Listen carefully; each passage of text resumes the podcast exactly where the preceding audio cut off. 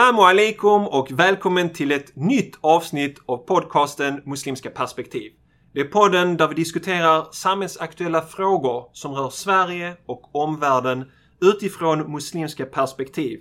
Islamakademin och Tahara.se sponsrar denna podd. Jag heter Salih Tufek och tillsammans med mig ikväll har jag Salahuddin Barakat. Salam alaikum. alaikum salam rahmatullah. Och Johannes Anjuro. Ja, salam alaikum. Alaikum salam. eh, välkommen. Eh, det här kommer att bli spännande och annorlunda avsnitt. Inshallah. Inshallah. Eh, du har skrivit en bok. Mm. Som heter... De kommer att drunkna i sina mödrars tårar. Eh, och Salahuddin, du har läst en del, en del av i den, den här ja, boken. Precis, precis. Det här är en bok som har kommit ut ganska nyligen och eh, bokrecensioner har börjat droppa in. Mm. Och recensionerna har varit ganska intressanta och bra. Men innan vi eh, diskuterar boken så tänkte jag först lära känna vem du är, din bakgrund. Så om du vill berätta lite grann om dig själv. Okej. Okay. Eh, jag heter Johannes Anjuro och jag föddes i Borås för 38 år sedan. Min eh, mamma kommer ifrån eh, Småland i Sverige. Min pappa kommer ifrån Uganda. De möttes i Kenya för många år sedan. Jag föddes i Borås, i Norrby i Borås, som var ett så här miljonprogramsområde i Borås. Vi bodde där i sju år. Sen flyttade vi till Växjö, där jag bodde i tio år. Elva år. Um, och sen så småningom så hamnade jag i Göteborg där jag har bott då i 17 år. Mm. Typ 17 år. Um, gud, vad kan jag säga? Ja, jag, jag, började skriva poesi. Jag började egentligen hålla på med hiphop. Ja, jag hörde det i en eh, radiointervju. Ja. du började med hiphop och ja. du var på scenen och så här var på fester och annat. Ja. Eh, jag är ju konvertit. Mm. Jag, är, jag blev muslim när jag var 28. Så det här ska liksom leda upp till det på något sätt. Eh, nej, jag började hålla på med hiphop. Men det är en form som, som är ganska trång också. Som är ganska så... Vem du kan vara i hiphop är ganska, det är en ganska smal bild. Mm. Den du kan vara liksom på något sätt. Du ska vara på ett visst sätt, du vet när du är på scen. Och mm. Det är ganska, en ganska trång bild. Som jag inte riktigt trivdes i. Och... Eh, Varför? Om man frågar. Vad, vad var det som gjorde så att du inte trivdes? Du vet vad? Jag egentligen kom på att jag inte trivdes i det när jag fann det som jag trivdes i. Och det mm. som jag trivdes i var poesin. Mm. Jag hittade en, en dikt i, på en svenska lektion. Du vet, man sitter och mm. lyssnar på svenska lektionen. Han pratar om grammatik eller någonting som är tråkigt. Och så har man en sån antologi. Mm. En sån samling med olika texter. Det satt jag och bläddrade i den. Så fanns det en sida med något som heter underground poesi. Mm. Okay. Underground för mig var grejen. Hiphop. eftersom jag höll på med hiphop. Mm, mm, I hiphop så är liksom underground ett sånt kodord. Det är något som är mm. underjordiskt och fett och intressant. Och. Mm. Så då läste jag den dikten. Det var en dikt av en poet som heter Allen Ginsberg. En amerikansk poet. Som han skrev om Vietnamkriget. Om att lyfta runt i, i USA på 70-talet. På ett sätt som var väldigt så här eh, målande. Han skrev om att han grät i baksätet på den här bilen. Han åkte över en bro och tittade ut över fälten och högspänningsledningarna som sträckte sig mot Denver. Och att han var väl olyckligt kär säkert. Så liksom eh, och så insåg jag att det finns så mycket saker som... Eh, finns så mycket i det här som jag också tänker någonstans. Eller som, som jag också tänker men som jag aldrig kunde skriva en rapsång. Liksom. Man kan inte skriva en... Eller jag... Det har också med vilken bild har man när man är 16-17 av att vara en rappare. Mm. Kan inte liksom skriva någonting om att jag gråter eller att... Man måste vara tuff liksom. Ja, man måste vara tuff på något sätt. Uh, så jag blev väldigt uh, fängslad av poesi. Av den här dikten. Jag skrev ut den. Mm. Eller jag kopierade den, gjorde man på den tiden. Det var på 90-talet. Mm. Kopierade den i skolans kopiator och satte upp den på min vägg. Den här dikten liksom. Sen började jag låna massa eh, dikter på biblioteket, skolbiblioteket. Köpa diktböcker och läste dikter i hemlighet. Liksom. Mm. För att eh, jag hade väl, jag hade väl eh, knappt några kompisar som det var möjligt att prata om poesi med. Mm. Sen hade jag ju dikten på min vägg så på något sätt så tyckte jag nog att det var coolt också att ha, gilla poesi. Liksom. Mm. Men det där att jag skrev själv det var liksom hemligt. Så jag började skriva poesi och blev på något sätt då poet. När jag var Mm. 18, 19, 20. Och eh, poesi blev mitt sätt att söka efter meningen med tillvaron. Mm. På gott och ont. Ehm, det, var liksom, det var med poesin som jag började gräva efter varför finns jag? Hur kommer det sig att eh, människor är som de är? Mm. Ehm, hur kan himlen vara så vacker? Liksom? Alltså jag kunde se all skönhet och sorg och mening och smärta och, och sådär. Eh, och jag kunde se att det är någonting som står på spel i tillvaron. När jag satt på en bänk och kollade på stjärnhimlen. Liksom. Alltså jag började, med poesin så började jag få den här känslan. Som kanske alla får när de, är, när de växer upp, när man blir tonåring. Mm. Det är något, finns någon mening med allting. Det är någonting som... Det är ett drama som pågår i mitt liv. Som har... Som, eh, mellan krafter som jag liksom kan ana. Som är så här skuggor bakom mig men jag kan inte sätta ord på dem. Då blir man liksom... Det är det där som, som gör att man gråter till musik plötsligt. Kanske när man är 18. Eller att man blir jätteförälskad i någon. Eller att man... Eh, eller man gör galna saker också gör man när man är tonåring. Mm. För mig var det poesin ett sätt att liksom utforska det. Mm. Att sätta ord på det. Mm. Så eh, jag skrev poesi. Skrev en diktsamling. Som då blev utgiven. Hur, hur fick du den utgiven? Gick du till ett förlag eller skickade du in den till ett förlag? Eller? Jag skickade den till ett förlag. Mm. Jag, eh, jag utelämnade en massa saker i mitt liv. Jag jobbade också vid det här Mm. tillfället i vården och så. Men jag skrev dikter som handlade om eh, min uppväxt kan man väl säga. Min eh, uppväxt var en svart ung man i Sverige. Mm.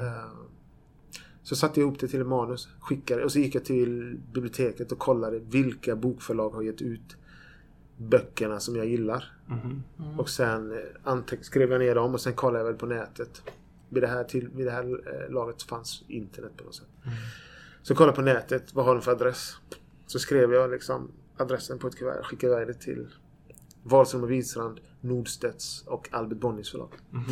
Och då eh, så småningom så kom den ut på Wahlström och Widstrand. Mm. Alltså de ringde mig sen några månader senare efter att jag hade, efter det här. Hur kändes det att få det samtalet liksom? Äh, vi vill ge ut... Eller vad sa de? Sa de att de vill ge ut eh, Ja, det sa de. Men Ja. vi har fått ett manus här. Vi, Jaha. vi, så behandlar vi- det var, egentligen var det så här, det var två förlag som eh, ville, både Nordstedt som nu ger ut mina böcker och Ja. ett förlag som heter Wahlström och Widstrand. Okej. Ringde liksom typ samma dag. Mm. För du är liksom nobody. Ingen känner dig. Nej, nej, det var, det var ingen som visste vem jag var. Ehm, men däremot så fanns det i kulturvärlden Mm. så fanns det en väldigt stor längtan precis då efter eh, de här rösterna. Mm. Från, vad man ska säga, vad ska man kalla det? Andra generationens invandrare. Mm. Eller någon sorts sån miljonprograms tillvaro. Förort, Liksom. Förortspoesi, förortsböcker och så. Mm. Så det fanns en jätte, det fanns ett sånt tomrum att fylla och det kom några stycken böcker precis de åren liksom. Mm. Som kunde på olika sätt fylla det, det tomrummet. Och min bok, den här diktsamlingen, blev ju en av de böckerna liksom. Mm. Men det, var- så det var två förlag som hörde av sig liksom. Och så åkte jag upp till Stockholm och träffade båda två. Mm. Vi gick runt där. Ehm, och kunde säkert ha förhandlat till mig bättre villkor och sånt men jag kunde inte det. Jag skämdes på något sätt liksom. Jag var bara glad att de skulle ge ut det.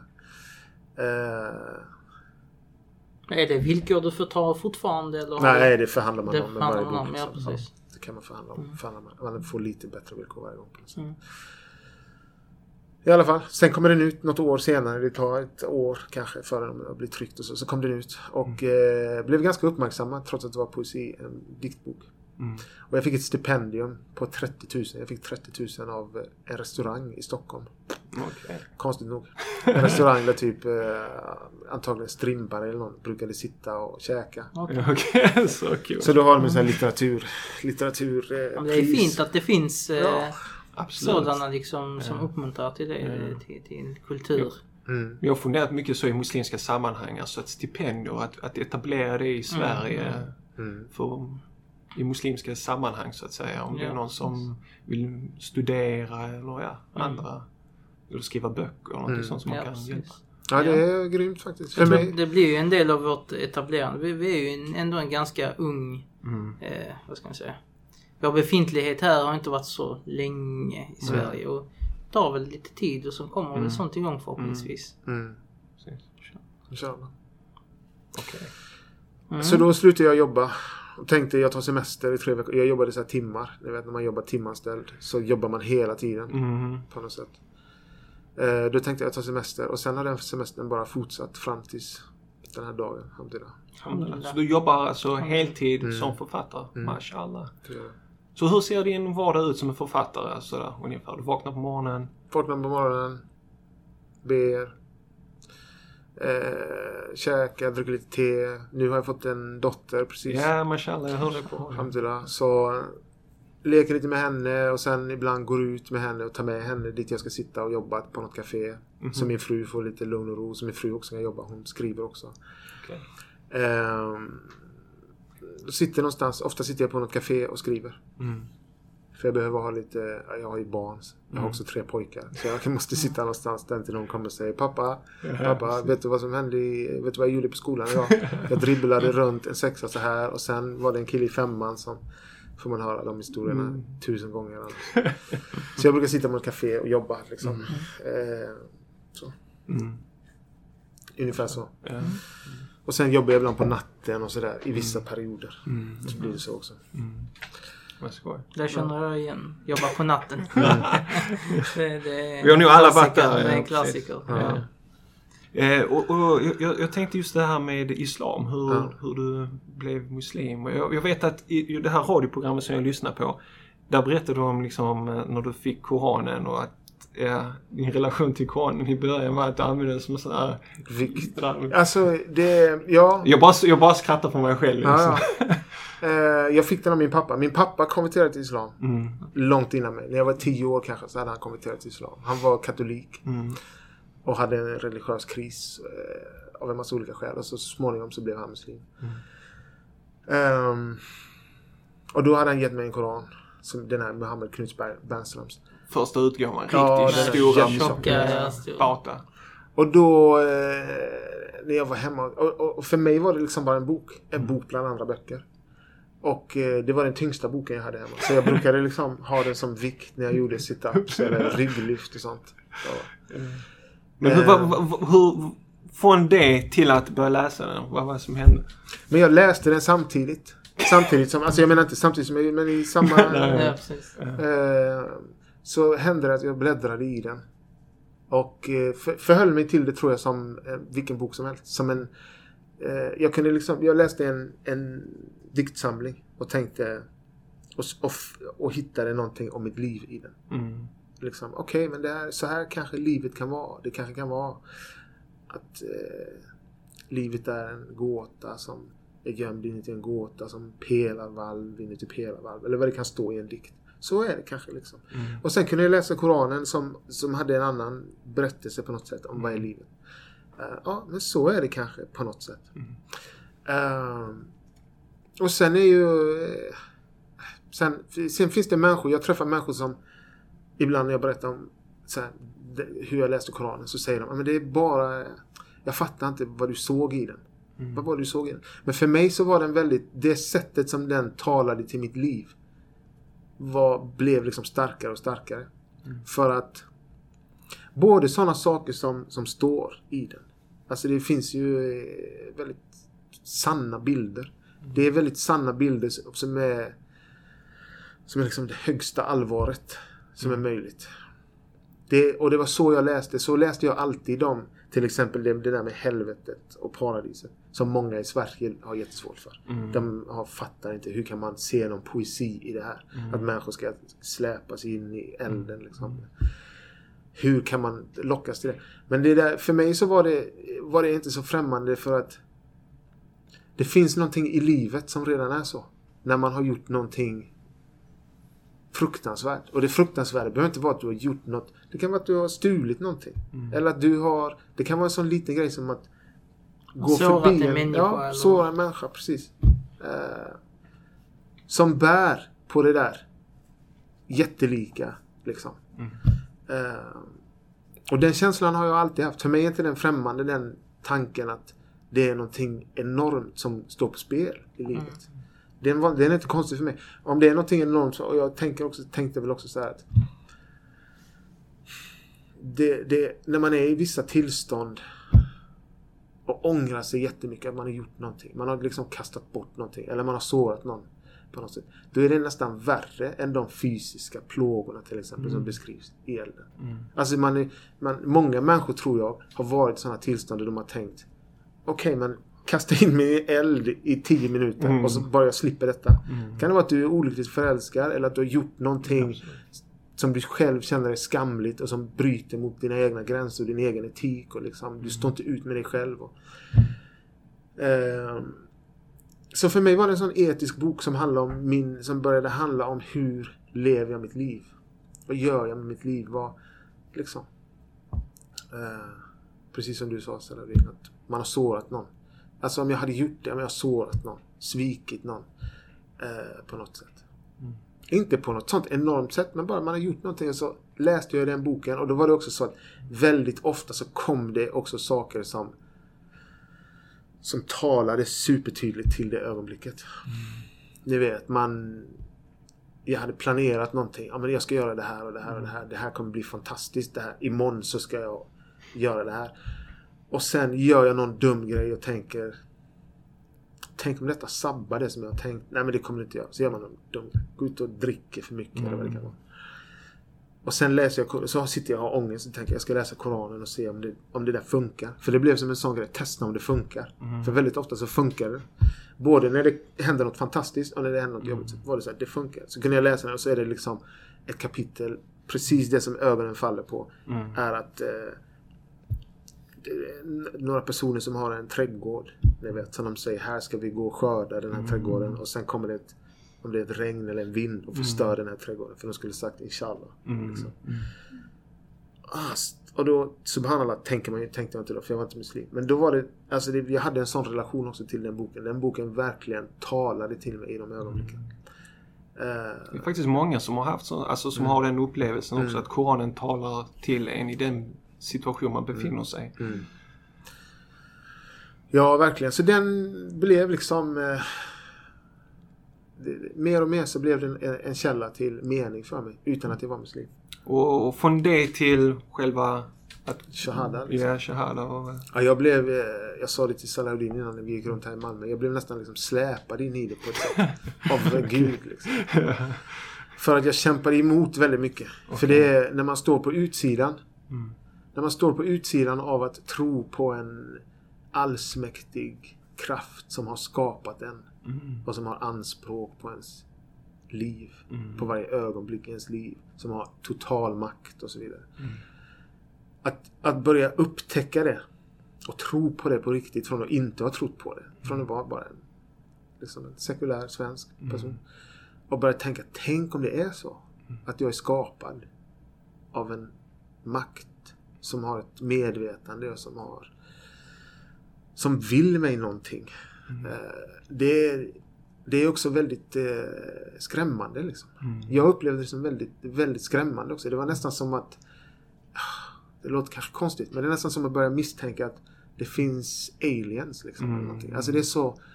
Sån total omvändelse Ja. av din... Ja, det är precis. Världsbild och... Ja, precis. Precis. En total omvänd, eh, omvändelse av världsbilden. Bra uttryckt. Så jag liksom stretade emot det. Och tyckte då att om jag i början hade börjat tänka så här, men jag ska testa om det faktiskt är så. Så började jag tycka, men jag ska testa för så kan det inte vara. Det är omöjligt. Det är omöjligt. Det kan inte Hur vara testar så. man det då? Ja, gud vad gör man? Man gör massa dumma grejer som man inte vet att man, som man vet att man inte ska göra. Okej. Um, det är väl det korta svaret. Lämnar jag det här. Eh, För jag hade, det var saker som jag visste att som jag kände så här, det här förstör mitt liv. Att jag håller på med de här grejerna. Eh, och det går inte att kombinera med att vara muslim. Mm. Eller det går inte, kombinera, det går inte överhuvudtaget att kombinera med att vara en etisk människa. Mm. Än mindre med att vara muslim. Men att tro på att det finns en, en etik och en... Att, man, att jag kommer hållas ansvarig. Då kan jag inte leva på det här sättet. Liksom. Och ytterst så handlar det om... Väldigt, ytterst så handlar det jättetydligt för mig om att glömma bort sig själv. Eller, inte, eller glömma bort, inte sig själv. Glömma bort ansvaret och horisonten. Min pappa hade en sån plansch, ni vet. När man blir muslim ibland så får man såna planscher. Även om inte jag har fått såna planscher. Men han hade en sån plansch där det står på engelska. Mm. Do not forget me and I will not forget you. Mm. Där Gud säger glöm inte bort mig så kommer jag inte glömma bort dig. Mm. Och den var en eh, väldigt tydlig eh, gräns för mig. Där jag ibland glömde bort Gud. Och där det också var väldigt eh, behagligt att glömma bort Gud. Mm. Det var väldigt, för mig var det väldigt jobbigt att behöva tänka på att Mm. jag ska ta an, tänk om jag måste ta ansvar för allting jag gör. Jag måste Mm. leva på ett etiskt sätt. Ah, jag glömmer bort det idag. Jag glömmer bort det nu ett par månader. Liksom. Mm. Jag glömmer bort det ett tag. Så jag höll på med, jag höll på med det liksom. Eh, och sen som sagt då så blev jag insläpad i det ändå. Mm. Och när man väl har kommit in så är det fantastiskt. När man väl har egentligen underkastat sig. Mm. Det handlar om att underkasta sig som är jobbigt. Var, var tog du shahad? Eller var, var någonstans bestämde du okej, nu, nu tar jag trosbekännelse. Nu, I Madrid. I Spanien i Madrid. Mm. Eh, det var väl så här att eh, jag... Eh, det hänger också ihop med mitt skrivande jättemycket. Mm. Det här, den här perioden då, det som hände var att eh, den sista egentligen stora, det sista stora motståndet för mig emot den här världsbilden. Mm. Det var att jag höll på att skriva en bok, en diktsamling, som handlade om eh, kriget mot terrorismen. Kan man väl säga. Alltså tortyrens återkomst. Det som har hänt efter 11 september. Jag skrev en diktsamling, skrev dikter om det liksom. Och... Eh, Guantanamo Bay. ja, precis. Precis. Eh, Irakkriget. Mm. Ett av eh, Gazakrigen. När Israel bombade med vit fosfor. En massa eh, hemska, fruktansvärda saker som har hänt. Skrev jag poesi om. Och eh, då kände jag... Då tänkte jag så här att jag kan inte förlåta det med min poesi. Jag kan inte skriva att människor blir bombade och dör. Och hundar äter upp deras kroppar. Mm. Men jag sitter på en parkbänk här och himlen är ändå väldigt fin. Det var någonting i det som, som inte funkade liksom som en, som en estetik när man skriver. Så jag kunde inte skriva sådana dikter. Och då kunde jag inte heller leva på det sättet eller tänka på det sättet. Så då bestämde jag mig för att jag ska inte tro på någonting osynligt längre. Jag ska bara tro på det som jag kan ta på. Bara, jag ska bara tro på materien. Liksom. Och det höll jag väl på med i kanske två år nästan. Tror jag. Och sen en natt när jag var hemma hos min mamma. Så drömde jag att jag höll på att bli blind. Eh, alltså det var en sån dröm som är så här superverklig. Hyperverklig dröm. Vet. Ibland har man en sån dröm så att man tänker i drömmen. Jag önskar att detta var en dröm. Mhm. Ja, jag önskar att det var en dröm. Men det är ingen dröm därför att jag tänker där. I den här drömmen så läst, tänkte jag så här till slut. Det finns bara en, jag har ett sista hopp. Och det är att jag ber. Så då läste jag Al-Fatiha på engelska som jag hade lärt mig på engelska. För jag hade fått en broschyr av min pappa om hur man ber. Så jag någon gång hade jag lärt mig det här på engelska. Liksom. In the name of God, most merciful. Most gracious, most merciful. Master of the day of judgment. Thee do we worship and thine aid we seek. Jag läste den på engelska. Och bad snälla Gud, rädda mig från det här på något sätt. Boom. Vaknade. Mm. Hemma hos min mamma i hennes hus. Och det var så det var enormt omskakande. För det var lika verkligt som att en av er hade tänkt så här. Okej Gud, om det verkligen finns. Mm. Gör så att Visa mig ett tecken. Boom! Och så vaknar du nu. Ja, oh, subhanallah. Jag är hemma. Jag drömde att... Och jag sa visa mig ett tecken. Alltså det var som att hela... Som flyttas från en värld till en annan värld. Och då när jag hade vaknat, då bad jag till Gud och eh, bestämde mig och sa så här att och gjorde en deal med Gud kan man säga. Men jag sa så här. Om du finns på riktigt, om det här verkligen är verkligt. Ge mig ett, ett riktigt tecken. Eller visa mig att det finns något annat än det här. Än Sverige egentligen. Alltså, jag trivdes inte i Sverige. Sverige kändes för mig som att det var så otroligt kargt och dött. Och sorgset. Och jag hade så många kompisar som hade dött av olika grejer. Liksom. Min bästa vän hade dött av cancer några år tidigare. Andra människor hade tagit överdoser och dött. Liksom barndomskompisar. Jag var fattig, jag hade inga pengar. Min pappa satt i lägenheten jämte mig och höll på att dö av KOL. Liksom. Jag ville bara bort. Jag ville fly från allting. Jag hade- aldrig varit utomlands i princip. Eh, Okej, så jag ber liksom, visa att det finns någonting annat. Jag har ingen aning vad det är. Men visa att det finns liksom, om, om du finns. Eh, och som det var på den tiden så kunde jag ha ett väldigt starkt religiöst ögonblick och sen glömma bort det liksom. En timme senare, två timmar senare. Vad Sjukt. Alltså, senare, senare på den här dagen så hade jag nästan glömt bort det. här. Det stannade kvar några timmar. Sen glömde jag bort det. Sen på kvällen ringde en kompis. Och sa du jag ska åka till Madrid i helgen. Har lust att hänga med för att Ryanair har öppnat en flyglinje precis till Madrid och jag har pluggat i Madrid innan och har bott där och har kompisar. Häng med till Madrid. Vi, hänger, vi åker dit och festar liksom. Jag vet inte om jag pallar men ja, kanske jag hör av mig. Sen blev det av då att vi åkte till Madrid så kom, landade vi där i Madrid. Första gången du är utomlands? Typ, Eller? jag hade varit i. Danmark när Ja, jag var liten någon gång. Sen har jag varit i Budapest en gång och läst poesi och jobbat. Mm. Och Oslo kanske någon gång. Med någon snubbe som är DJ. Som. Eh, men det är liksom var första gången som jag på något sätt var utomlands och var i den kulturen och hamnade. För han hade massa kompisar där då, den här killen. Alex hette han. Men redan när vi satt i taxin och jag satt där den varma natten liksom med palmer och sånt där. Så blev jag helt tagen av det här. Ah, Spanien liksom. Mm. Sättet som folk var. Människor är på ett annat sätt på andra ställen. Liksom. Eh, så jag blev helt förälskad i den här staden, i Madrid, den här helgen. Och dessutom så träffade jag en tjej som jag blev totalt förälskad i. En kvinna som jag blev totalt förälskad i. Ehm, så då hade vi, jag hade alltså ett- en kärlekshistoria som egentligen handlade om att vi träffades en helg och sen åkte jag tillbaka till Göteborg. Men för mig betydde den jättemycket. Liksom. Mm. För mig var den jätte, jättestor. Jag lärde mig spanska på tre veckor. Liksom. Mm. Satt och bara pluggade spanska som en galning. Jag var helt övertygad om att jag ska flytta till, jag ska flytta till Spanien nu. Mm. Jag har hittat min plats. Mm. Ehm, och så, men när jag, var, när jag gick runt där i Spanien sista kvällen. När jag gick runt där sista kvällen i Madrid en natt. eh, så återkom den här drömmen och den dagen som hade varit en vecka tidigare. Som jag inte hade tänkt på. Men då återkom det liksom med full kraft. Som att få en blixt i huvudet. Mm. Gud, det var det här jag bad om. Alltså jag bad om exakt det här och det händer. Mm. Jag bad om, det är precis det här jag bad om och nu kommer det. Och det var mer än något, det var fantastiskt. Och det gjorde mig lycklig men det var också väldigt, också väldigt, väldigt skrämmande. Det är intressant att det var Madrid. Du vet, ordet Madrid Mm. är ju ursprungligen ett kommer från ett arabiskt ord som Ja. betyder vattenkällan. Eller någonting. Det som det. ger liv. Källan till det som Mm. ger liv. Alltså. Symboliskt. ja, ja, det är intressant. Det är också ordet för eh, sharia. Aha, Sharia, ja, ja, sharia precis, betyder källan. vägen till vattenkällan. Mm. Mm. Ja just det. Ja det vet jag om sharia. Men Madrid visste jag inte det. Men det har ju varit muslimskt där. Ja, precis. Så de har det. Vilket också fascinerar mig när jag var där. var en del av varför jag blev förälskad i staden och hela idén. Till exempel förhoppningsvis på spanska säger de ojalá.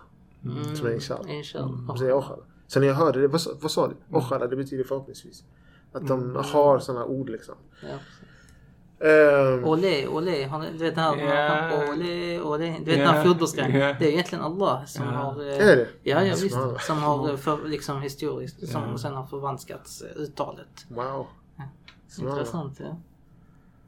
Ehm, Okej, och då sen åkte jag tillbaka till Göteborg och så åkte jag fram och tillbaka mellan Göteborg och Spanien några gånger.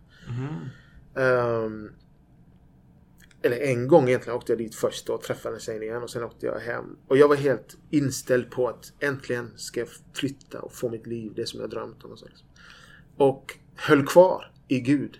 Mm. Alltså i det som för mig var Gud, höll kvar i det där att i det som kanske är tacksamhet egentligen. Jag har fått detta, jag måste ta vara på det här. Men det var också väldigt ansträngande att göra det. I sig själv, att, att vara tacksam hela tiden. Att vara medveten om, tänk om det är så att det finns en gud. Det var också ansträngande. Det, är anst- alltså det är ansträngande egentligen för att man vill gå ut och dricka och sådär. Liksom, sådana grejer. Nafset tar emot kanske. Ja, för att om, om jag går ut och dricker så vet jag att ja, men, okej, om, det, om, om Islam är sant och jag har bett till Gud. Och, ska jag gå ute och dricka då? Ska jag, göra, ska jag göra de här grejerna?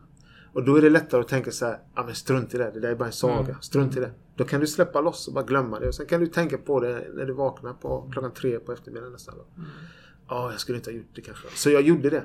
Till slut så gjorde jag det. Jag tänkte, men jag orkar inte hålla kvar det. Det kan inte vara sant. Det är sjukt det här. Alltså, jag kan inte tro att det finns en en gud som sitter och ger mig grejer. Det här, Mm. liksom, att man ber och så kommer det. Okej, det verkar som men det kan inte vara så. Chalas, jag går ut och festar. Liksom. Jag tänkte naturligtvis inte chalas på den tiden.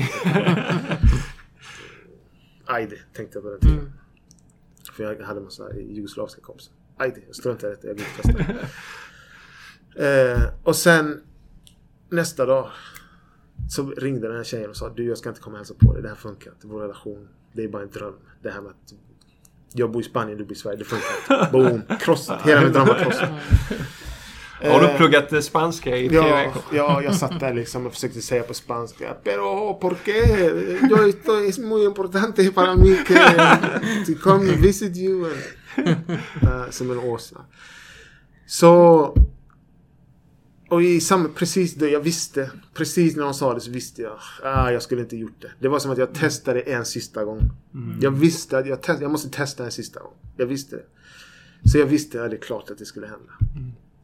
Men då, tänkte, då, då kände jag också så här, jag vill åka tillbaka till Spanien, till Madrid. Och, och se, för det finns någonting som, jag måste tillbaka dit en tredje gång. Jag vill åka tillbaka dit och gå till en moské. Jag hade aldrig varit i en moské. Så jag åkte tillbaka till eh, Madrid. Och eh, för att göra den här historien lite kortare än vad den är. Så åkte jag tillbaka och så tänkte jag så här, jag ska gå och hitta en moské. Och jag vet att det finns ett muslimskt område i Madrid som heter Lavapiés.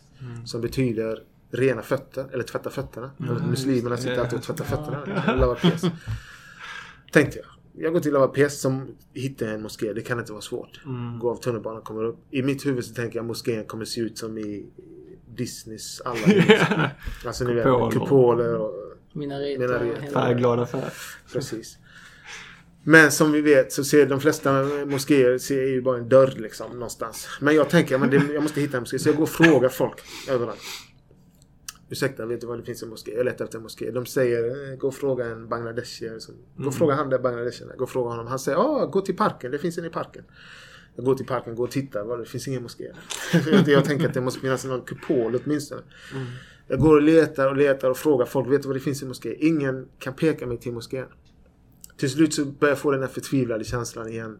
Det var bara bluff. Alltså jag har bara hjärntvättat mig själv. Vad, vad håller jag på med? Jag ger upp. Jag, och då när jag skulle ge upp då var det bara, jag går och sätter mig någonstans. Jag måste gråta. Ni vet man kan ha den här känslan, jag vill bara gråta för hela mitt liv. Jag måste, jag måste gråta för allt som har gått förlorat i mitt liv. Inte bara den här kärlekshistorien, mina kompisar som dog.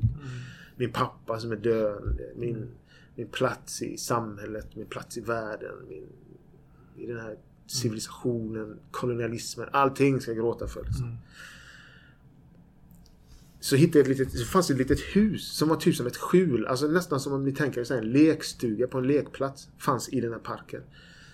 Jag kollar där och tänker okej, där kan jag sitta för jag vill inte sitta öppet och gråta. Så tänker jag ska krypa in i det lilla hålet och sitta och gråta där liksom. Jag går en sista gång och kollar. Om jag hittar moské. Jag går och kollar. Och in- inuti mig så tänkte jag så här, jag kommer hitta det. Jag hade ändå hopp. jag tänkte jag kommer hitta det. Det här är sista gången så går jag. Hittar inte det. Okej, jag ger upp. Jag ger upp. Jag ska gå och sätta mig där. När jag ska gå och sätta mig sitter en hemlös man där. Som jag inte hade sett första gången. Och eftersom jag kom och var på väg att sätta mig och mötte hans blick. Och sen ah, sitter det någon snubbe där. Typiskt. Alltså ingenting kan man... Jag kan inte ens hitta ett litet hål i världen där jag kan sitta och gråta. Vad min känsla. Det sitter där en snubbe där. Och är eländig. Men eftersom jag mötte hans blick så kände jag ändå att jag måste säga någonting. Ni vet. Så jag, eftersom jag, jag rökte på den tiden frågade vill du ha en cigg? Quieres un cigar- cigarrillo? Ja, jag vill ha, kan ta en cigg. Boom, satte mig där, gav han en cigg, tände en cigg själv. Vi satt och rökte. Du, vet du vad det finns en moské? Han, ja. Sista chans. Ja, jag vet vad det finns en moské. Jag kan visa dig. Han kollar på himlen och säger, men det är inte, inte tiden. Jag kan visa dig sen. Alltså den här snubben var hemlös. Ja. Narkoman. Han satt och rökte, han tog min cigg och smulade ner den till någon, inte ens hasch utan någon liksom. Och han visste när bönen ska vara. Ja. Han var marockan. Ja. En marockan. Det finns ju en massa nordafrikaner i Spanien. Mm. Så han var marockan liksom. Eh, hemlös narkoman. Men han sa, "Ja, jag kan visa dig precis på andra sidan parken. Liksom. Men sitt och prata lite först, för det är inte dags än. Mm. Eh, varför vill du gå till en moské? Är du muslim eller? Jag vet inte. Jag bara känner att jag vill gå till en moské. Och liksom. Så vi satt och pratade lite. Sen visade han mig till moskén. Jag gick dit. Sen när jag kom ut så stod han utanför och väntade och sa Kom tillbaks imorgon och prata med mig. Ska jag lära dig lite grejer om Islam? Uh, Okej, jag hade ingen lust. Det är det där med att bli släpad. Jag hade egentligen ingen lust. Men eftersom han hade visat mig istället så tänkte jag Mm. okej. Jag måste åtminstone säga ja visst. Jag kommer tillbaka. Ja, jag kommer tillbaka klockan två. Och när jag har sagt det så måste jag komma annars känns det liksom... För han blev också väldigt entusiastisk på något sätt som jag inte fattade. Liksom. Jag åkte hem och sen nästa dag kom jag tillbaka klockan två. Han, och så började han lära mig. Han lärde, det var han som lärde mig hur man gör voodoo. Jag satt där liksom med en hemlös narkoman i Madrid. Som tog en sån här hink, en tom hink och så låtsades han att låtsat det är vatten. Så satt vi där liksom. Han var sträng liksom. Han var, visade mig så här, gör, nej nej nej det är fel, gör så här. Gör så här, gör så här liksom. Så han lärde mig allting. Nej du måste göra noga så här mellan händerna. Sen gör du. Med luft. Ja, med luft. Ehm, och sen gick vi till, sen gick jag till moskén igen. Och eh, sen kom jag ut där. På eftermiddagen. Så jag minns som att det var kväll. Jag var nog där. Jag var nog tillbaka och gick, gjorde Maghreb också. Jag visste ju inte vilka de här bönerna var. Jag gick bara dit. Han sa nu ska du gå dit och be. liksom, Så kom jag tillbaka. Eh, och sen tog vi farväl. Vi tog ett kort. Jag tog ett sånt här kort ihop med honom. Och sen tog vi farväl. Eh, och vet du vad han hette? Sen många år senare så fick jag en sån här plansch med Guds namn. Mm. Vet. Och då hittade jag hans namn där uppe. Ja. Rashid. Mm. Rashid hette han. Vägledare. Vägvisare. Subhanallah. Alltså många år senare. Rashid Subhanallah, det är det det betyder. Ja. Så sen gick jag till en stor moské. Det, sen hittade jag den stora moskén. Det finns också en sån stor moské med en kupol och så Mm. i Madrid. Så då gick jag dit. Nej, så här var det. Sen när jag gick, en dag när jag gick dit till den lilla moskén.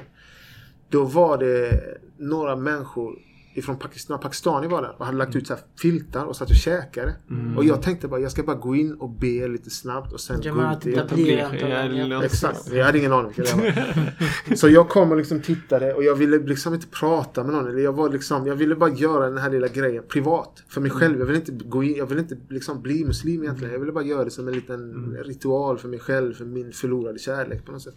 Så jag skulle gå in och tvätta mig, skulle jag be och så ropade de liksom Ska du inte äta någonting först? Mm. Liksom. Fast de ropade på arabiska någonting. Liksom. Äh, någonting liksom. Höll upp något bröd. Och så sa jag på spanska. Så, no solo quiero uh, orir. Eller hur man nu säger. Jag ska bara be liksom. Nej men ät någonting först. Så, så kunde vi inte snacka. Det var så komplicerat att prata. Och till slut så liksom frågade de. Do you speak English? Så, det var någon britter liksom. European tour. Ja, som var ute. Och de var ute då och träffade liksom. Och var ute i moskéer och så här. Mm. De som heter. Tablir, Jamaat Tablir. Ja, just det. Just det. Så då satt vi och snackade liksom någon timme där. Och eh, då sa jag shahada. Där. Fast egentligen så är det så här. Jag sa det liksom eh, halvhjärtat. För han sa så här. Alltså om du... I Islam tror vi så här liksom. In Islam we believe there's only one God. And Muhammad is his messenger. So in Arabic you would say Ashhadu. You can say it if you want to. Ashhadu. Så, så, så, så, Okej, det är väldigt ledande. liksom, så, sa det liksom, Ashhadu an la ilaha illallah. Så sa jag shahada där. Mm. Och alla där inne blev oh, mashallah, tack så mycket." Kramade om mig, började gråta. Selfiebilder och sånt. Och jag kände lite grann att, fast det var inte, du, det var inte på riktigt. Hade jag, var min känsla. Eh, den här mannen sa till mig, han, han, den, en av dem såg också på mig. Han var ju, såg på mig, okej, du tar det inte riktigt på. Han sa till mig, gå hem, duscha och så gå och be. När du känner det här i ditt hjärta, då, kommer du, då är du muslim. Du kommer känna det i ditt hjärta. Liksom. Gå hem, duscha, be. Efter det så gick jag till Stora moskén på kvällen. Sista dagen innan jag ska åka hem från Madrid. Jag tänkte så här, jag har inte blivit muslim egentligen. Liksom. Men jag vill ha ett sista minne av Madrid som inte handlar om den här kvinnan som jag älskade och bla bla. Som om mitt krossade hjärta. Jag vill ha ett annat minne. Jag vill ha minnas ma- moskén. Så sista kvällen går jag till moskén. Eh, mellan Maghreb och Isha kom jag dit. Jag visste ju inte det då. Jag bara kom dit och det var tomt. Den enda som var det var en sån ambulansförare som stod och bad. Vilket för mig var totalt magiskt att se. Alltså en människa med så ambulanskläder. För att man har den sagobilden av att muslimer är några som ser ut som vi ser ut nu med kofi och liksom muslimska kläder. Och se någon som bara var en så här vanlig, vanlig inom citattecken människa stod och bad. Det var så drabbande liksom. Han var den enda som var där och så var det jag. Jag ber, sen går jag därifrån. Ah, skönt. Nu har jag gjort det som jag ville. Nu kan jag åka tillbaka till Sverige. Det var lite mittemellan. Jag vet inte om... Jag vet inte vad jag tror på liksom. Men vilken intressant episod det här var i mitt liv. Mm. Det var min känsla. På väg tillbaka så möter jag en av de snubbarna från den moskén där jag hade sagt shahada. Han Åh! ropar ja, salam alaikum och han är med några andra och börjar säga på arabiska antagligen. Den här killen blev precis muslim. Han sa shahada där. Så alla blir ja, salam alaikum blir jätteglada liksom. Jag går där och röker en cigg. Han säger du måste sluta röka. han frågar vad, vad, det, vad ska du? Nej, jag har varit i moskén. Nej men vi ska gå och be nu, kom. Nej men jag har varit och bett. Nej men det är bön nu liksom. Det var isha då. Vi ska gå du vet, dra med mig liksom. Och bara för att vara artig. För jag pallar inte vara så o- Jag kan inte vara oartig och säga nej. Jag, jag pallar inte. Jag bryr mig inte om era bönetider. Egentligen känner jag jag bryr mig inte om. Jag är inte muslim. Kom igen. Okej, jag följer med. Vi går, eh, går dit liksom. Går ner där i källaren. Vi gör wudu. Och sen kommer vi upp. Så ställer jag mig. Så var det en man som hette Abdul Fattah. En uh, kille från Tunisien. En, en äldre man. Han var kanske 50. Stod jämte mig. Han sa Islam är inte svårt. Det är inte svårt. Okej, jag vet du tycker det är svårt. Men det är inte svårt. Sen kommer Adan och den här imamen börjar recitera. När, då när han började recitera. Så bara totalt brast allting för mig. Och jag kände jättestarkt. Hela mitt liv. Allting som har hänt i mitt liv.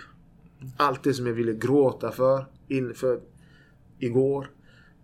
Allt det sorgliga, allt det vackra. Allting är meningslöst förutom av ett enda skäl. Det enda meningen med allt som har hänt i mitt liv det är att jag skulle stå exakt här. Höra den här mannen recitera Koranen och veta att det är sant. Det är hela meningen med mitt liv fram till den här punkten. Jättestark sån känsla. Eh, så jag började gråta liksom, jättemycket. Och, och jag kände så här, jag, kan, jag skulle vilja stå här för alltid.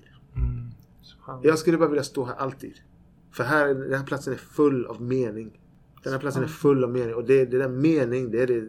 alltså, värt det, mycket. Ja, det är värt allting. Det är det starkaste som finns. Enda gången jag har känt ett spår av det var när jag var på Hajj sen. Man känner den här platsen, när man går där i Mecka. Man gör tawaf i Mecka till exempel. Och kommer fram och rör vid Kaaba liksom. Då är det här, jag kan stå här hela livet. Behöver inget mer, behöver inte ha liksom. Behöver inget annat. Det enda jag behöver är bara stå och hålla här på den här väggen. Så... Och sen gick jag ut därifrån. Och det var som... Det var som att gå ut på en annan planet liksom. Och komma ut ifrån moskén. Så, så blev jag muslim. Sen har det varit ändå så här kring, krokig väg på många sätt. För att liksom, man kan inte ändra hela sitt liv på en dag. Nej, nej, klart. Men... Eh, ja, alhamdulillah. Så jag blev muslim. Tack för att du delar med dig av den berättelsen. Jag tänkte... Men jag, jag tänker vi går på boken nu. Eh, Okej, så boken som du har släppt nu, de kommer att gråta, eh, de kommer drunkna i sina Mödrars mödrars tårar. tårar. Varför skrev du denna boken? Eh, jag har dragit mig länge för att skriva någonting om Islam. Det har inte varit så lätt att skriva någonting om Islam. Av en massa olika skäl. Av eh, skälet att eh, Sverige är väldigt sekulärt. Och eh, jag har varit rädd för att skriva någonting om att jag är muslim. Jag har inte känt mig som att, jag har känt mig som en muslim. Jag har inte känt mig som en del av den muslimska världen på något sätt. Och det var någonting som kom faktiskt efter Hajj. När jag hade varit- varit på Hajj så kände jag så här, men jag är muslim, lika mycket muslim som, som andra muslimer. Jag är en del av den här, av umman liksom. Jag är en del av världen. Och, och, då, och efter det så har jag haft lite olika så här, små projekt för att skriva om islam på olika sätt. Skrivit en dikt i Aftonbladet eh, under Ramadan. Eh, Jag hade en hemsida där jag och min fru skrev texter. Eh, en hemsida som heter Betraktandet av skuggor. Skuggor.org kan man gå in på bara. Så finns det texter. Så liksom sakta så har jag så här försökt nästan komma ut som muslim i kulturvärlden kan man väl säga. Eller i, i offentligheten. Eh, och den, det är också behäftat med jättemycket fördomar. Att vara muslim. Har du märkt av det när du varit i kulturvärlden? Nu när du har kommit ut som muslim? Ja, jag har inte märkt av det. Jag menar, det var inte hemligt. Folk har vetat att jag har Ja, varit ja, muslim precis. länge, ända sedan jag blev muslim. Så det har inte varit en hemlighet på det sättet. Men jag har inte skrivit så mycket om det förrän Mm. efter Hajj. Men jag har inte märkt av det. För det första tror jag att folk eh, respekterar att jag haft en viss respekt i kultursverige. Som gör att folk inte skulle säga så här fördomsfulla grejer till Mm. mitt ansikte. Men de möjligen pratar bakom ryggen på mig. För det första. För det andra så... Jag vet inte vad det andra skulle vara. Jag vet inte om det finns som... Jag vet inte hur mycket så fördomar det finns. Det finns ju fördomar men kanske inte i kulturvärlden. Finns inte, Inte på samma sätt och lika inte mycket. på samma sätt. Nej. Oftast eh, kultur, kulturmänniskor, eller vad man ska kalla det, är ju ofta mer bevandrade, har rest mycket, har läst. Ja precis, Mm. man, man är ju mer öppen sinnad kanske. Jag har den upplevelsen också. Men jag tänkte, så, så med, den, med den här boken, har du känt att du har kunnat berätta om din tro? Är det det som är? För min fråga var liksom, varför Mm. Ja, det är skrev du den här sakerna. boken? Ja, Mm. eh, och då, en av sakerna som jag ville göra var att skriva om hur det vara muslim i Sverige Mm. idag. Mm. Och eh, det finns, jag, jag tycker det finns få saker som präglar livet som muslim så mycket som den här terrorn som utförs, terrordåden som utförs. Liksom. Och Mm. den, att man, både hur man reagerar på det och hur man förväntas reagera på det. Och att vi förväntas förhålla oss till, måste, att vi förväntar oss förhålla oss till det och att vi kanske måste förhålla oss till det. Och, ehm, liksom den sorg som jag själv känner över att det här som är det eh, vackra i mitt liv. Det som har gett mitt liv mening. Sprids med den här bilden istället. Mm. Alltså de här terrordåden. Och rent specifikt så var det faktiskt den här attacken mot Charlie Hebdo i Paris. Den här satirtidningen liksom. Mm. Så fick mig att tänka ja, men jag vill skriva något om det här. Jag vill skriva något om det. För det fanns någonting i det som... Det fanns också någonting i det som var intressant bortom det här terrordådet. Som handlar om karikatyrerna. Mm. Varför den här besattheten vid att rita de här karikatyrerna. Eh, tortyren som har pågått. Alltså tortyren som återkom efter 11 september.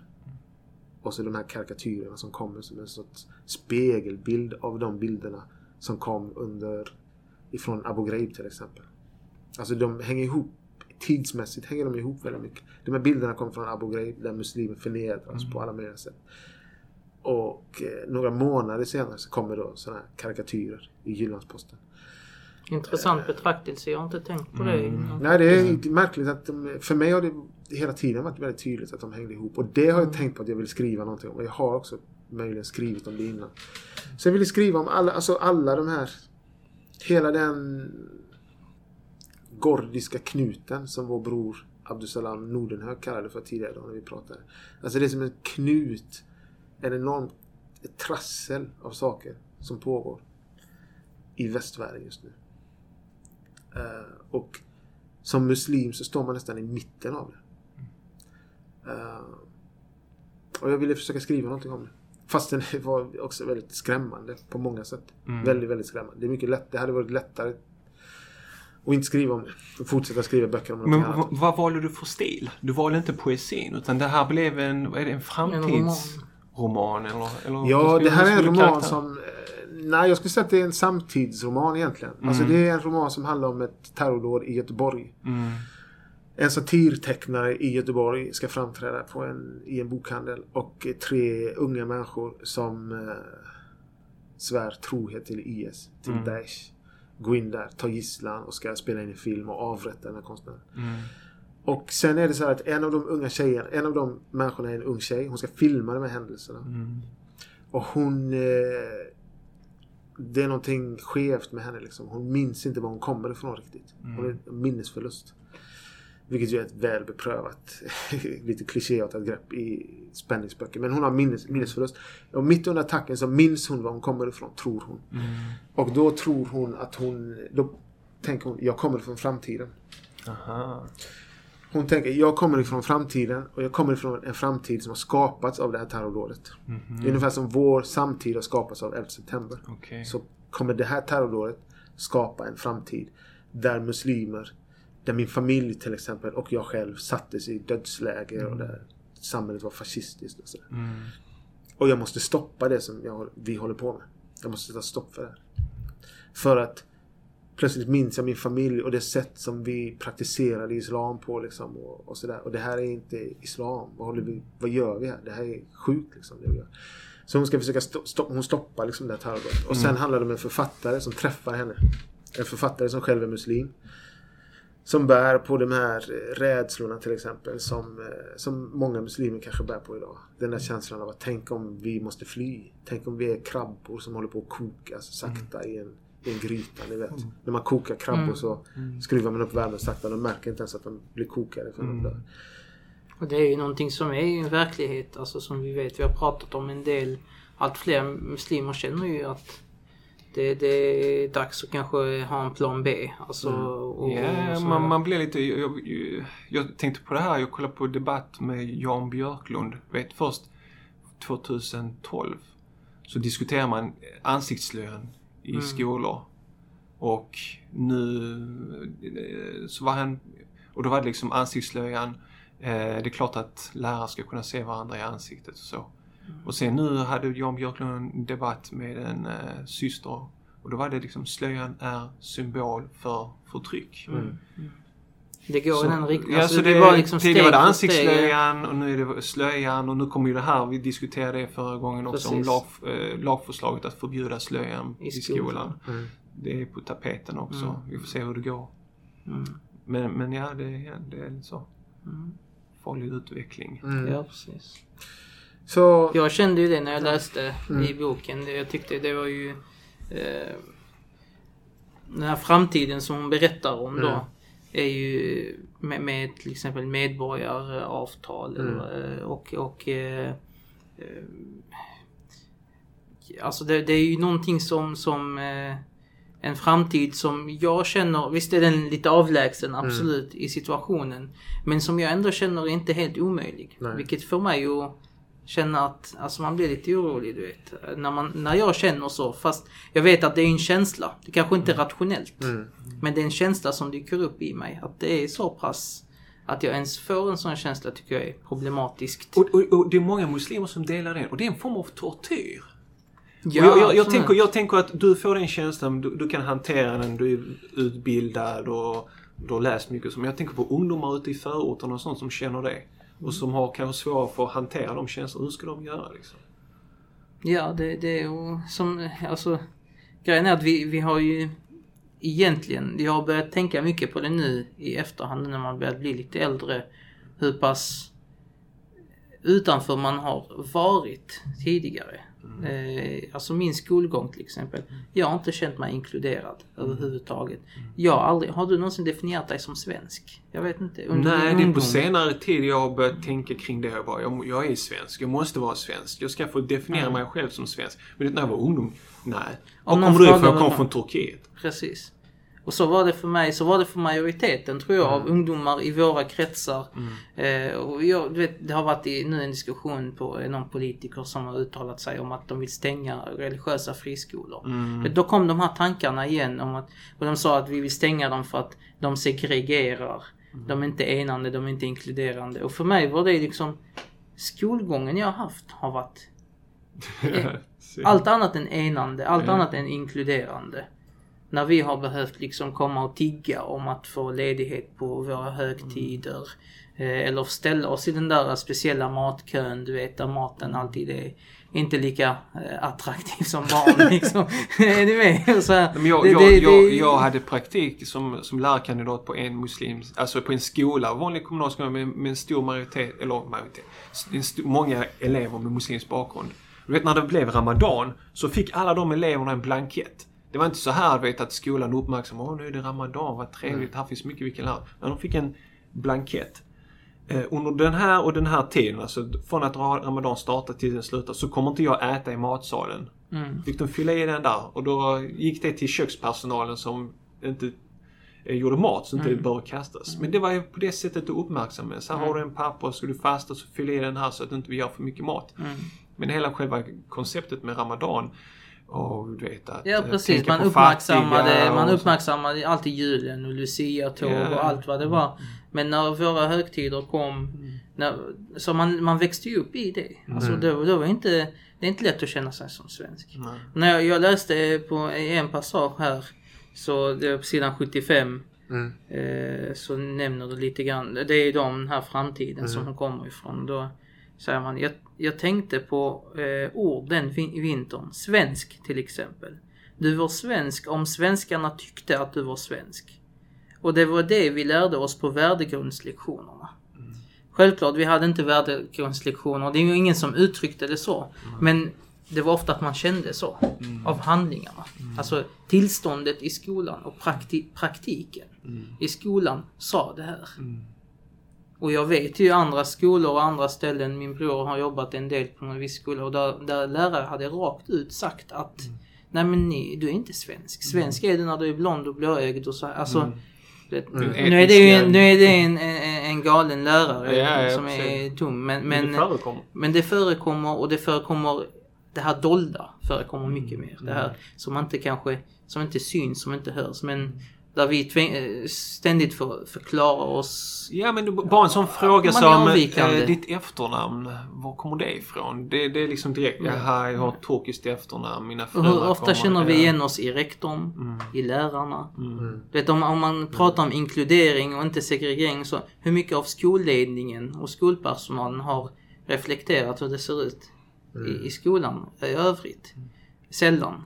Och jag tror att det, det, det är en framtid som visst, det här är lite Det är Den just- fiktion och ja. det är kanske lite... eh, Den är inte alltså Just den formuleringen kommer från Sverigedemokraternas partiprogram. Okej, ja. De skriver... Det, de har ju Så det är ingen avlägsen framtid. Nej, Nej, det är det- inte det när de har Ja, så... just ja. den. Och det, men det är ju en... eh, Det, det, det där att definiera vad som är svenskt. Mm. Det är ju ett problem både för Sverigedemokraterna och för andra och för oss själva. Och, och så. Ehm, och de Inte för har- att ens, är det ens viktigt att vara svensk egentligen? Vi är väl människor? Eller hur? Ja, Det ska visst, egentligen inte visst. spela någon roll om man är svensk eller känner sig. Bara det att vi har kommit in i den diskursen att vi Mm. nästan, vi vill eller vi, vi vill ta del i det svenska. Egentligen, vem bryr sig? Alltså, vi är människor det i dagliga slutändan. livet, jag menar. Ja, men det är ändå, ja, alltså det är meningsfullt. Det, det är ju... Just svenska är också en så märklig identitet. Mm. För att det, den verkar vara tom. Om man jämför med hur det är till exempel i USA. Min fru kommer från Kalifornien i USA. Mm. Och jag har varit i USA ganska mycket för jag har nära vän där. Och eh, i, den, i det landet så är ju liksom amerikan det innebär ju trots allt då att du har vissa värderingar. Att du går in. Jag tänker att jag är amerikan. Jag tror på den amerikanska republiken på något sätt. Liksom. Livsstilen. Ja, så här. eller liksom. Och det finns ju American många way. muslimer som säger I'm American. Yeah, of course I'm an American. Och det är möjligt att vara I'm an American. Men jag är a Pakistani. Alltså det kan vara, jag är pakistani men jag är Italian, amerikan. American, ja, är italiensk. eh, Chinese, Ja, American.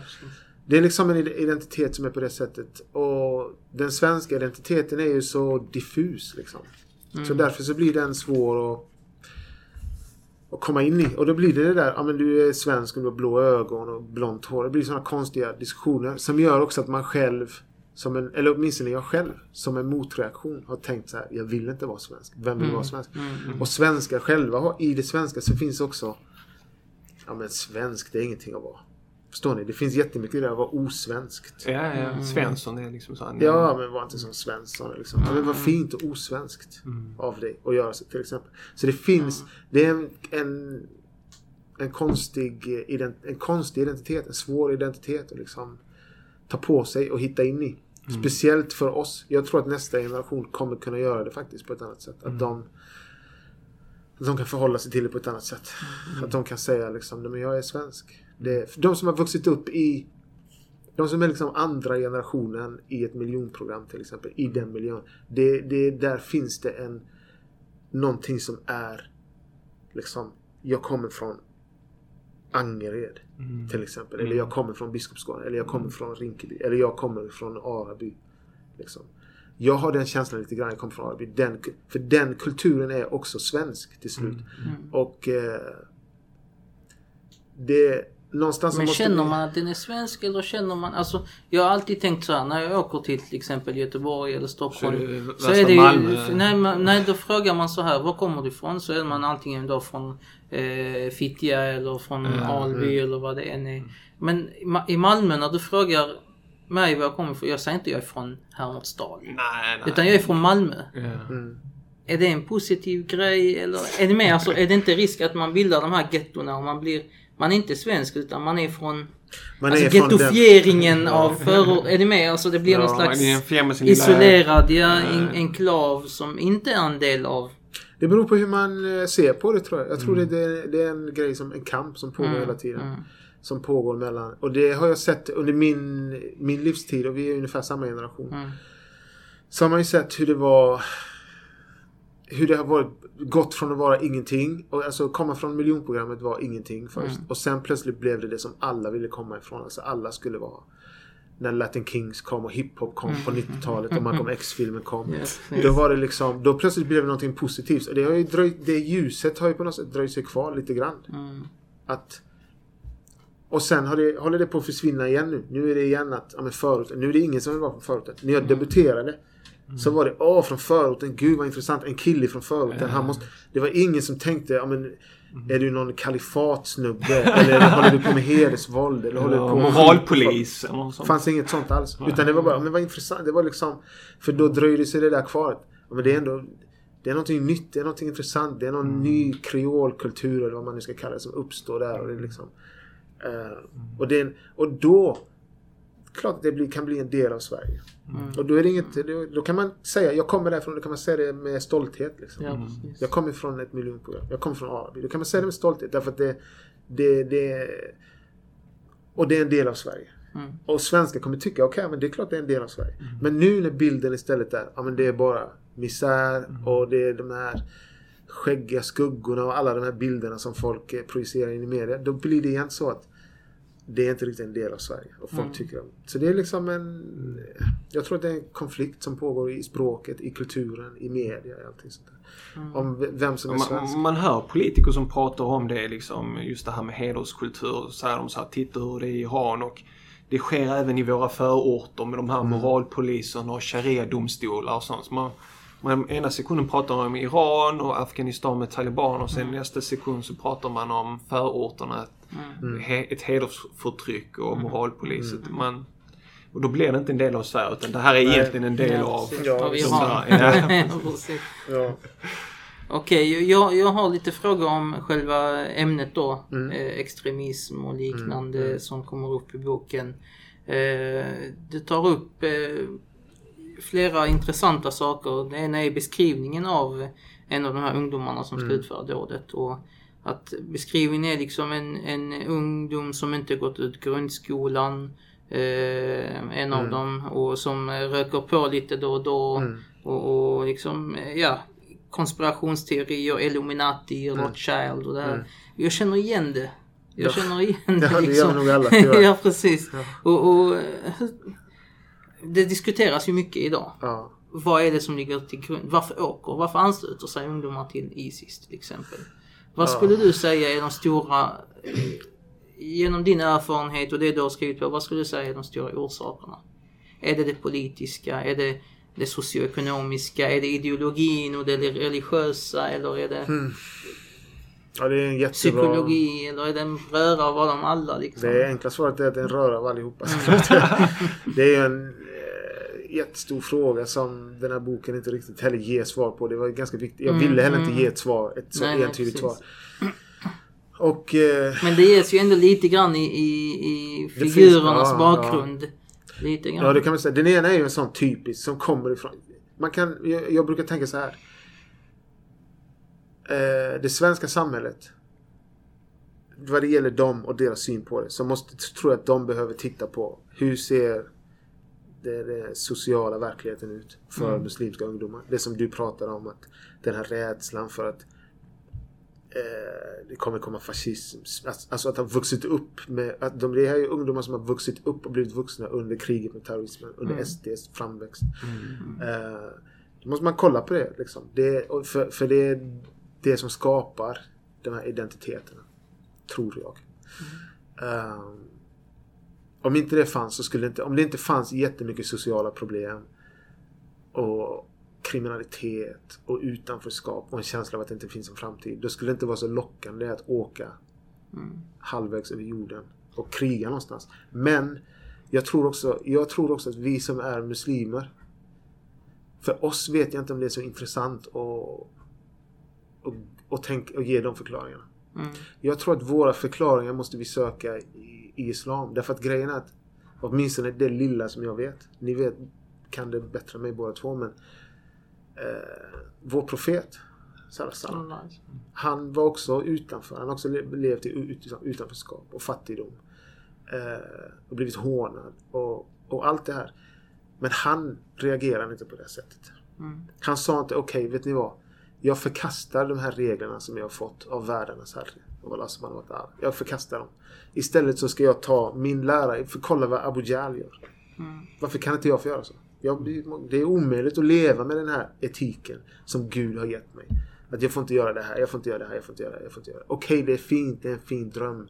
Men i verkligheten så, Mm. det går inte, jag förkastar. Han sa inte så. Och då måste, vår fråga måste vara varför säger vi så nu? Inte vi tre, men varför säger muslimer? Vad är det som de har fått med sig liksom?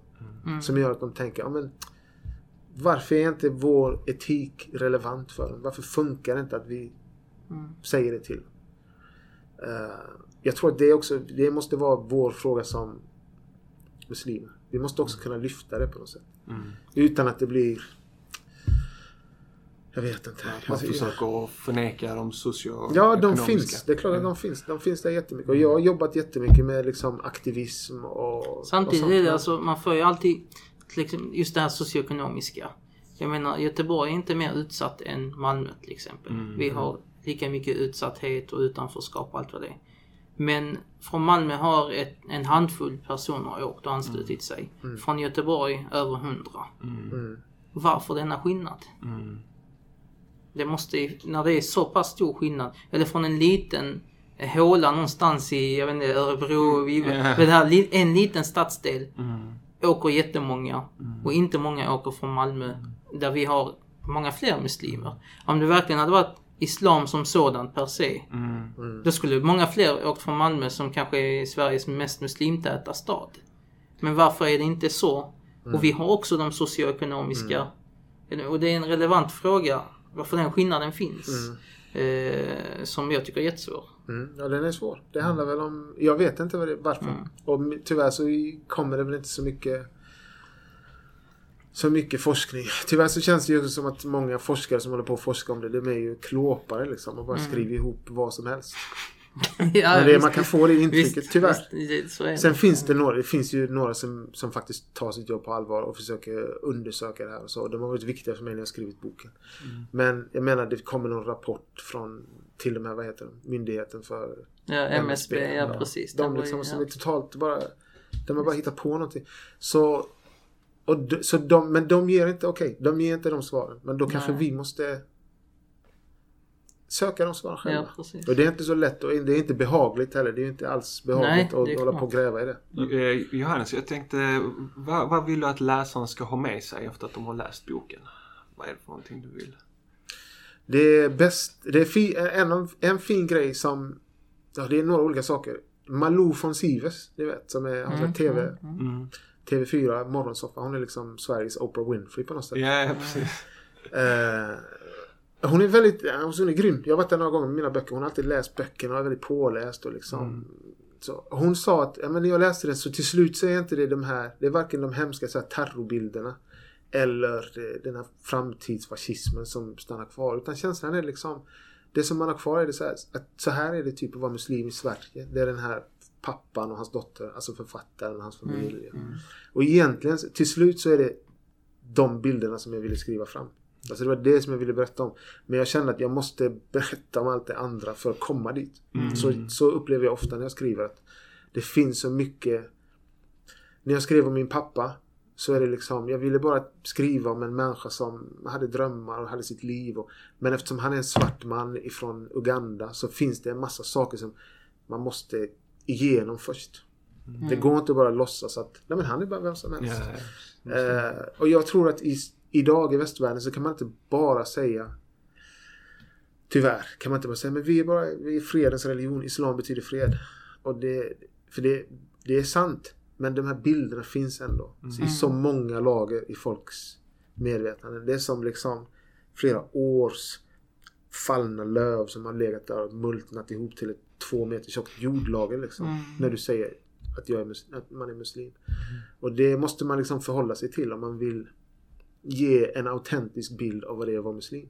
Jag har ingenting att göra med terrorism. Liksom. Jag har ingenting, jag har aldrig, aldrig slagit mig, tanken hade slagit mig att jag skulle åka och att jag skulle döda en annan människa överhuvudtaget. Inte ens, jag har aldrig, aldrig tänkt tanken liksom. Eh, men ändå måste man förhålla sig till. Det har, men det har ingenting med mitt liv att göra. När jag vaknar på dagen, när du frågar hur ser en vanlig dag ut? Mm. Jag vaknar och tänker, oh, vad, hur ska jag förhålla mig till muslimsk terrorism? Hur ska jag förhålla mig till det här? Hur ska jag förhålla mig till hedersvåld? Alla de här grejerna. Vi tänker inte på det egentligen. Mm. Våra liv ser ut på ett helt annat sätt. Men vi måste ändå, för att kunna berätta det, för att kunna visa, mitt liv ser helt vanligt ut. Så, kanske, så kände jag att jag var tvungen för mig att skriva en sån här bok. Mm. Som förhåller sig till allt detta som är så här, men så här tänker jag på något sätt om alla de här frågorna. Yes. Har du någon fråga eller? Nej, jag tycker det är... Nej, okay. jag, bara, jag har en sista fråga mm. och det är framtida projekt. Vad, vad, kan, vad tänker du skriva nästa bok? Vad ska nästa bok handla om? Eh, nästa, nästa bok ska är en samling med essäer och dikter faktiskt mm. som jag håller på att sätta ihop. Okay. Som jag sitter och pysslar med. Jag har ju skrivit olika saker här och där. Bland annat på den här eh, hemsidan Betraktandet av skuggor. Okay. Men också andra så här, tidningsartiklar och mm. Politiska artiklar, dikter.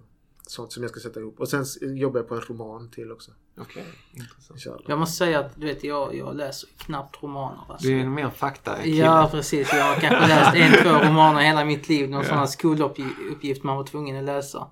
Och eh, för en som inte har läser så mycket romaner, det är ju, vad ska man säga, vissa delar är svårt liksom mm. kunna orientera sig mm. i boken. Tids, mm.